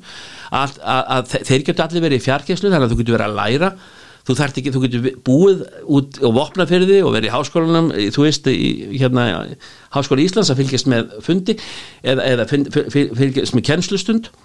Uh, þetta er miklu betra fyrir fjölskylduna þetta er, þetta er, þetta er meiri lífskeiði og þegar þú fluttur út á land býr þar, þá áttu náttúrulega að rækta og þú fengir þá, skilur að rækta upp landi planta trjám, gera skóa, þetta allt skilur þarna vegna þess að 66% af kolumnislösun kemur frá land og landnótkun og, og, og, og sem sagt, það, það er vandamálið er þarna. Þannig að ef við flytjum ef, ef menn hafa möguleika á því að fara út á land, vinna þaðan og rækta í sinni jörð og sinni skó og, og, og, og, og planta trjám og, og blómum og ég veit ekki hvað og hvað og gras og þetta að, að þá myndum við ekki bara sem sagt eh, öðlast betri lífsgæði og hérna og, og allt sem fylgir þessu og minni náttúrulega kostnað ríkisins heldur líka myndum við lækka eh, hérna útblástur hérna, kolumins útblástur. Þannig við myndum sko leysa svo, margan vanda með þessu staðin fyrir að fara að skatleika eitthvað græna skatta upp á 20 miljardar ári næstu árin, einhverja nýja skatta það er bara út um myndinni. Þannig að ef þú bara ef að ríki fer í, í farabroti og segir öll störf á vegum ríkisins verða leifð á fjárfundabúnaði og hérna hugsa þær all, all vandamála sem myndir leysa og við erum búin að pröfa þetta í eitt og halvt ár og það er allir ánægð með þetta. Þetta er ekki svo sagt, sko, ef þetta væri ekki búin að pröfa þetta þá hald, fólk halda að maður verið galinn. En þetta er bara hægt. Og þetta fólk þarf ekki að vera alltaf að fara ellendis skilur á fundi alla tíð og þú getur sparað okkur formúu í flugferðir. Við spyrum okkur formúu í hérna í náttúrulega í kolumnisporum og formúu í hérna í dagpenningum og, og hérna þannig að, að þetta er nú okkar svona bara einhvers svona skinsamasta stefna sem stjórnmálaflokkur í Íslandi hefur í dag. Fyrir utan það náttúrulega við viljum 100 ás krona persónaafslátt sko. Hann er 50 í dag. Ok. Og það, er- unga, unga fólki skilur þetta. 100 ás kalli persónaafslátt sko. en sko, en nú kemst þú inn á, inn á þing og, og, og, þú veist, hver eru líkundur að þetta gangi gegn sko? Svona, program sko, Ég meina, maður er alltaf, fyrir alla kostningar þá heyrir maður fullt af lofur, Já. lofur, lofur, lofur Já, rétt. svo gerist ekki neitt sko. ja, akkurat. Þessina á spurningin hjá strákum ykkur ykkur uh, þegar politíkustinni koma þegar spyrja hvaða, hvaða uh, hérna kostningalofar ætlar að svíkja fyrst? Já, hvað ætlar að svíkja fyrst? Þegar, þegar stjórnum mynduð tveir því blokkar að þá segir alltaf já við, þurfum að, við, ætlum að, við verðum að gefa þetta eftir þannig að þá er þeir að svíkja eitthvað kostningalof og þeir svíkja alltaf að lofanið sem er erfiðast að uppfylla. Þú veist. Og þeir þá segir alltaf já já þeir eru að gefa þetta eftir til þess að komast í stjórn. Við viljum þá frekar hafa það stjórn þess að hafa þá áhrif eitthvað á og bla bla ok, allt í lagi. E, það þarf ekki að svíkja neinn kostningalofar enginn þarf að svíkja neinn kostningalofar ef að væri ekki spilling. Og, og ef við getum losnað við spillinguna úr stjórnsýslunni og hérna ofin bara gera að þá ættum við nóga pening til þess að allir hefði það gott. Þá getum við þá þyrftum við, þá getum við þurkað út þessar skerðingar elli, elli lífuristega og, og, og öryrkja. Og hvar, hvar er spillingin? Spillingin byrjar hjá uh, spillingin byrjar alltaf hjá, stjó, hjá stjórnmálamönnum sem sitja á einhverjum gæðum, sameiginlegum gæðum og er að útdeila þeim. Og þá er ég talað um fiskveiðkvotan og að útdeila fiskveiðkvotanum frítt til, til hérna manna á hverju ári endurgerðslaust er náttúrulega bara glæpur. Og akkur segir þessi glæpur? Það er vegna að við erum með skattalögin landinu. Og skattalögin segir til um það einn greinin segir það að þú verður að borga hlunnindaskatt af öllu sem hún færð frítt upp í hendurnar. Flugfrýður þurfa að borga hlunnindaskatt af sokkaböksum. Ég meina að þú þetta borga hlunnindaskatt af, af, af lagsviðtúr sem hún færð. Og það er 20% sko ef ert fyrirtæki þá borgar 20% tek- tekið skatti í hlunnindaskatt menn er að fá hér 100 miljardar virði af fríum kvota gefins álega og borga ekki krónu. Svo ekki tala um eitthvað veiðigjald sem er eignar eftir á eftir að, þú veist, ekkert að marka það. Það kostar meira að halda út í útgerðinu heldur en útgerðinu er að borga tilbaka. Þannig ég segi bara, farið bara eftir bæði farið eftir skattalögunum sem þið hafið brotið í 40 ár og farið líka eftir fiskviðstofnarlögunum því að hér í landinu eru fiskviðstofnarlög sem segja að þú meir bara eiga bara meir ekki eiga meira eða stjórna meira eða sagt halda út í meiru af kvóta heldur um 12% af, bland, af blöndum fiski. Og Sameri komið upp í 17,5 veitu hvaðan komið sér 5,5 akkur mega þeir vera með 5,5 meira heldur en lögin segja til um? Að þeir eru með ekki um einhver dótturfyrirtæki. Nei þetta, þetta má ekki. Þetta er bara, sko ef, ef græðgin er svona mikil ef að við látum græðgina endalust vill okkur sín og það er bara eitt flokkur hérna, sjálfstæðsflokkurinn sem er bara í því að hérna aðstóða einhverja klíku og svo það sem fellur á borðinu hýrða þeir í vasan og, og menn eru alltaf svo pyrraðar á þessu og þeir segja, já við nennum ekki hlusta græslutunum lengur. Það er besti borgum okkur sjálfur fyrir að vera stjórnmálaflokkur. Hvað gerðu þau núna fyrir þremur ánum það voru lögsjötu alþingi um styrki til stjórnmálaflokkar hækkaður upp í 755 miljónur ári. 755 miljónur fyrir utan það að, þe- að þeir og aðstofamenn og ég veit ekki hvað, hvað, hvað, hvað. Þannig í dag er þetta alveg business verið stjórnmálum. Þeir þurfu ekki til að hlusta á græsutuna þeir þurfu enga flokkarauðina bak við sig. Og hvað gerir það næst? Ég við þurfum að ná fjölmjölunum að best að borga þeim líka. Já, það voru annað eins.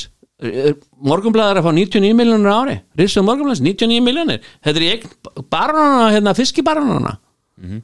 ég meina, hvar erum við? Er, það, það, er, það er allt ríkisvætt það er allt orðið ríkisvætt stjórnmálur ríkisvætt, fjölmennir ríkisvættir fiskurinn allur ríkisvættur stærsti, ríki, stærsti, stærsta hérna, stærsti ríkisstyrkur í heiminum svo sé allar íslensk útgerð besta útgerð í heiminum. Þeir fá þetta allt frýtt mm. mér háði, hvernig ætlar að fara að tapa því og mér, hvað, hvað bull er þetta? Ef finnur gæfið, kassa lakris frían og myndir selja hann dugast ég meina, þá er ég bara bullandi hagna já, þú er bara bullandi hagnaði en svona er þetta. Þetta er allt svona þarna byrjar þetta og þetta, þarna byrjar spillingin.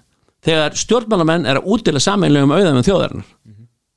Og svo er náttúrulega öllum hald til þess að fólk get ekki gert neitt þá er öllum haldið á, á lánlaunum og helst þannig að þau eru bara einn mánu frá gjaldröði og þau með ekki missa neitt út úr, út, úr- með ekki missa vinnuna get ekki gert neitt og, veist, og, og, og öllum bara haldið bara sko þarna út í hodni og þú getur ekki gert neitt engin þorar að segja neitt, engin þorar að gera neitt og þú ert bara, bara að vera að vinna þú ert bara vinnuþræll og hér er elitan. Við, við hérna ætlum að vera út í heimi á, á, á hérna vetuna og koma hérna heim í lags á sömurinn og, hérna og þið getið getið þessum út í frís. Svona er þetta og þetta er að verða verra og verra og verra og verra og verra. Og ef ég næði ekki að breyta þessu núna þá þessi ekki þá, þá, þá er ég hættur, þá, þá nenni ég þess ekki lengur. Ég er að henda björgunum reyngina með alls konar hugmyndum, alls konar hlutum. Fólk ræði hvort það tekur um hann. Ef það vill ekki þá, þá, þá ræði það veist, þá, þá ræði það því, ég reyndi allavega það get ég ekki sett á, ég reyndi við börnin mín en ég mæli til þess að öll börnin flytja í landi. Ég, ég geti ekki séð þetta þjóðfélag. Það er ekki þessi virði að, fyrir því að vera hérna áfram skilur það segir við krakkana mína ef, að- ef, að, hérna, ef að þetta á að vera svona að önnur króna hverfur hérna kerfinu. Það er bara ógislegt það er bara algjört ógið sko. Þetta eru risa orð maður. Ha, þetta er risa orð, þetta er bara saman já, já. ef þið farið aðeins þið, það þarf ekki að fara langt. Þið getið ekki til dæmis lesið þið, ekki, þið lesið ekki um þetta í morgumlæðinu Mhm. þið lesið ekki, þú veist pressan er með. Hún er sam, sko þetta er allt einn veggur. Það það, sko það er allt hérna það eru þrjú fyrirtæki sem að tvö eða þrjú eða eitt sem að eiga allar markaðan alltaf, það er fákefni og svo er þetta risastóra fyrirtæki samari, þeir eru að kaupa all hinn stórfyrirtækin þannig að þeir eiga 30% í eimskip með lífeyrissjónum, þeir eiga þú veist þetta og þetta og þetta og þetta. Svo eru bara þrjú tryggingafélög, það eru þrjár vestalamiðstæður, nei þrjár hérna þrjú, uh, hérna, þú veist hérna smásölu fyrirtæki, þú veist með hérna maturu mm netto, þú veist Hakup og, og hvað sem þetta heitir. Og þú ert með, með eins og þrjá banka, þú ert með þetta allt þrent af öllu og svo bara með þú veist, þannig að þetta er allt þetta er fákefni og fákefni þá ráð, ræður klíka verðinu. Það er þessin sem er hæsta vöruverð á Íslandi í heiminum. Allt hæst á Íslandi, akkur allt hæst á Íslandi? Það er vegna þess að við erum búin að búa svo mikið kostnaði millilegum og spillingin er að kosta okkur svo mikið. Við erum bara að taka á þessu, við verðum að taka á þessu við verðum að, og lítið flokkur sjálfsög, segjum að við fáum þrjá menn, það er 5%, segjum að við fáum þrjá menn, við náum ekki breyta neinu. Við náum ekki að koma með þesta hérna störfan staðsningar, það sjálfsög ekki við náum engu, skilur en ég veit, við vitum hvar beinagrindir eru grafnar. Við, við, við erum ekki eins og þessi flokkar sem eru núna í stjórnaranstöðu sem eru lélæsta stjórnaranstöðu sem mann eftir að spyrja einhverja spurningar sem allir vita svörum við. Við fórum að spyrja er, erfiðu spurningana. Að því þarna er ræðistöld sem, að- sem, að, sem að þú getur þá nota og spurt erfiðu spurningana. Spurt hlutina sem enginn spyr um Og munið þið gera það? já, peldu betur. Sko, við komum til með að leysa upp partíð við lífjum ég skil. En sko, svo, svo er, þú veist, að því að maður veist, mann man finnst þessi vinnustæðar alltaf vera þannig að fólk sem er með stórar skoðanir og mikla skoðanir og svona, svo lendur bara í því einhvern veginn að samtvinnast við. Já, þeir ná til þín, Já, kerfin er til þín. Ha, þeir bara ná til þín. Já, og það er þá þú þarft sterk bein til þess að til þess að láta á ekki ná til þín og þeir hafa ekki nátt til minn hinga til og ég, ég hérna og ég, þú veist, ég lo- lofa kjósinu mínum að leiða þeir eru búin að ná til mín þá bara hætti, þá er ég hætti sko. ég, ég ætla allavega að berjast fyrir réttlæti og, og, og sangirni þú veist, það er bara, þú veist ég, mér finnst ég knúin til þess að gera það. Eins og ég horfa á þetta allt í kringum mig, allstaðar sko. Og bara meiri lífskeiði það var bara meiri lífskeiði fyrir fólki þú það, bara fólk hætti þakka fyrir einhvern enn að, að, að hugsa um þessa hluti. Það er ekki verið að hugsa um það í dag. Meina, Það er víst ábyggilegt. allana hmm. Velta steinum allana ég segi það. Og lýsa upp í skúmaskotin. Og þú, það eru sko miljón hluti sem er þetta að spyrja um. Trúðu mér. Og, og þessi leyniskjöld svo kvöldu sem að voru loku niður skilur að, að hérna, það þarf að byrta þetta allt. Það þarf bara það þarf að ná, ná í þetta skilur og svo segir einhver sko hvernig þú að byrta þú veist, alþykismenn með að sjá allt þú veist, og frek, ég myndi freka skilur fara í fangilsi taka sensin að því skilur og byrta þótt ég mætti það ekki skilur ég vil bara fólki fá að sjá sannleikan við gerum allt til þess að fólki fá að sjá hvað er í gangi það getur verið svolítið hættur ég er ekki, er ekki, er ekki, er ekki mjög vinsæl en ég er ekki, leið, vinsæl að kosta ykkur, mér er alveg sama hvað fólk heldur um mig og mér er alveg sama skilur þannig að ég er bara ég að gera þetta vegna að ég var áhugaði að bæta landið mitt og hérna og, og berjast um átti spillingu. Og annarkvort gengur eða gengur ekki annarkvort náum vinn eða náum ekki.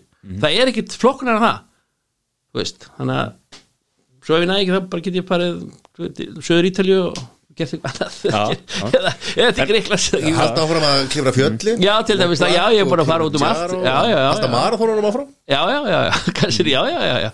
Já, bara halda fram að lifa, skilur. Þú lifir bara núna, skilur og einu lífi. Þannig að það er um að gera koma eins miklu fyrir á lífs hérna ferlinum eins og þú hefur tíma í, í sólarinu til þess að gera, sko. En eins og þú ert að segja núna að hérna þeir er nokk sama hvað fólki finnst um þig þetta um- Algjörlega. um, algjörlega. 100%. En hvað, eins og núna þeir var, voru fórsetakostningar þegar þú bauðst þig fram það Já. Og þeir var líkt, líkt við Donald Trump? Já, Sko, ég bara, hérna? vá. Það? Hann er þetta frábært. Hann, er, maður, skilur hann er með órans hár og fárannar skoðanir, skilur og, en hann, hann, hann efnaðslífið bara, bara blómstraði undir honum.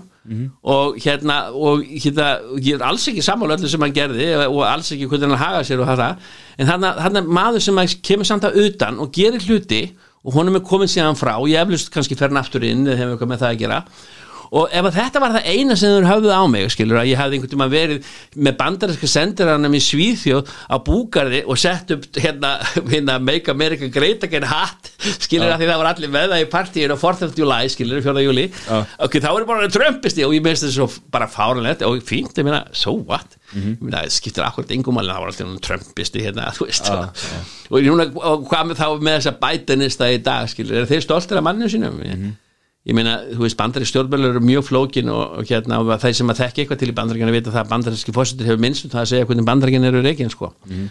Þetta er mjög flóki og stórt kerfi og, og stjórnast af, af auð og, og hérna áhrifum en ekki einu manni, sko, alls ekki. Var þetta ekki spekingslega sagt? Þetta var gríðarlega gott Herri, erum við ekki bara búin að hérna, er eitthvað sem þú vilt koma að framfæri í lókinu bara, bara, bara 100 bara- ára skalli persónafslátt, sko, það skiptir máli. það skiptir máli. Að 50 skallin þessi ekstra. Hugsaði hvernig hann myndi bara hérna, gera allt brjálað í, í þjóðfélaginu sko. Bara hérna bara allir beint á Wall Street maður og be- beint- bara öll bref græn og alltaf maður Nei, það skiptir meira, það skiptir máli fyrir já. fólk að hafa meira milli handana Já, það myndi allavega vera því það 50 krónum aukalega sem að Matti myndi skilda ríkisins. Já. Þegar ég segi ríkisins þá er ég að meina vínbúðina. Já, já, já, til dæmis. Það er alveg eitthvað kassar að bjór það. Ég, ég segi það, Nei, ég menn ekki alvörinni já, já, já. Ég meina þetta peningur fer alltaf Hringinn. já, já, gerir það því meira sem þú farið því meira fær sko. en gallið við það þá náttúrulega bara hækkar allt í náttúrulega kemur einhver verðbólga eða eitthvað og það hækkar lánin á íbúðinniðinu og fyrir allt í rugl og ekki, ekki með hérna ekki, ekki með hérna ekki með þessi persónarslati en, en samt sem áður þá það fer allt í ringi maður. Nei, ég man ekki hvað ég að segja að lokum ég er bara, ég er búin að, mitt líf er búin að vera eitt ævintýri og hérna ég hef lent í ótrústu hlutum á ótrústu stöðum á ótrústu tímum og, það, og hver dagur er alltaf nýtt ævintýri. Þannig að hérna, núna er bara núna, er núna eru sko hérna kostinga 2005 og við erum með eh, flokk sem heitir frálslindi líðræðsflokkurinn og þeir sem að vilja kynna sér stefnarskona, hún er í 66 liðum mjög flott sett upp. Það er þá x-o.is við gátum ekki fengið x-o.is það er eitthvað veitingastæðar það er x-o.is og það, fólk getur farið þar inn og lesið og hérna og, hérna, og bara kjósugur og, og flokkurinn, er ekki flestir í og blóðflokkinum á Íslandi? Er það ekki? Lokað. Já, Við hljótum að muna þetta. Já, ég segi það, bara líta á hérna, blóðbankarskirtinni og, og kjósta þetta því Já, það er ekki til. Herri, Guðmundur Rálingin, takk kærlega fyrir komuna og gefa tíma til þess að Ránlítið, bara mín var ánæg virkilega gaman að tala. Um Já, sömulegis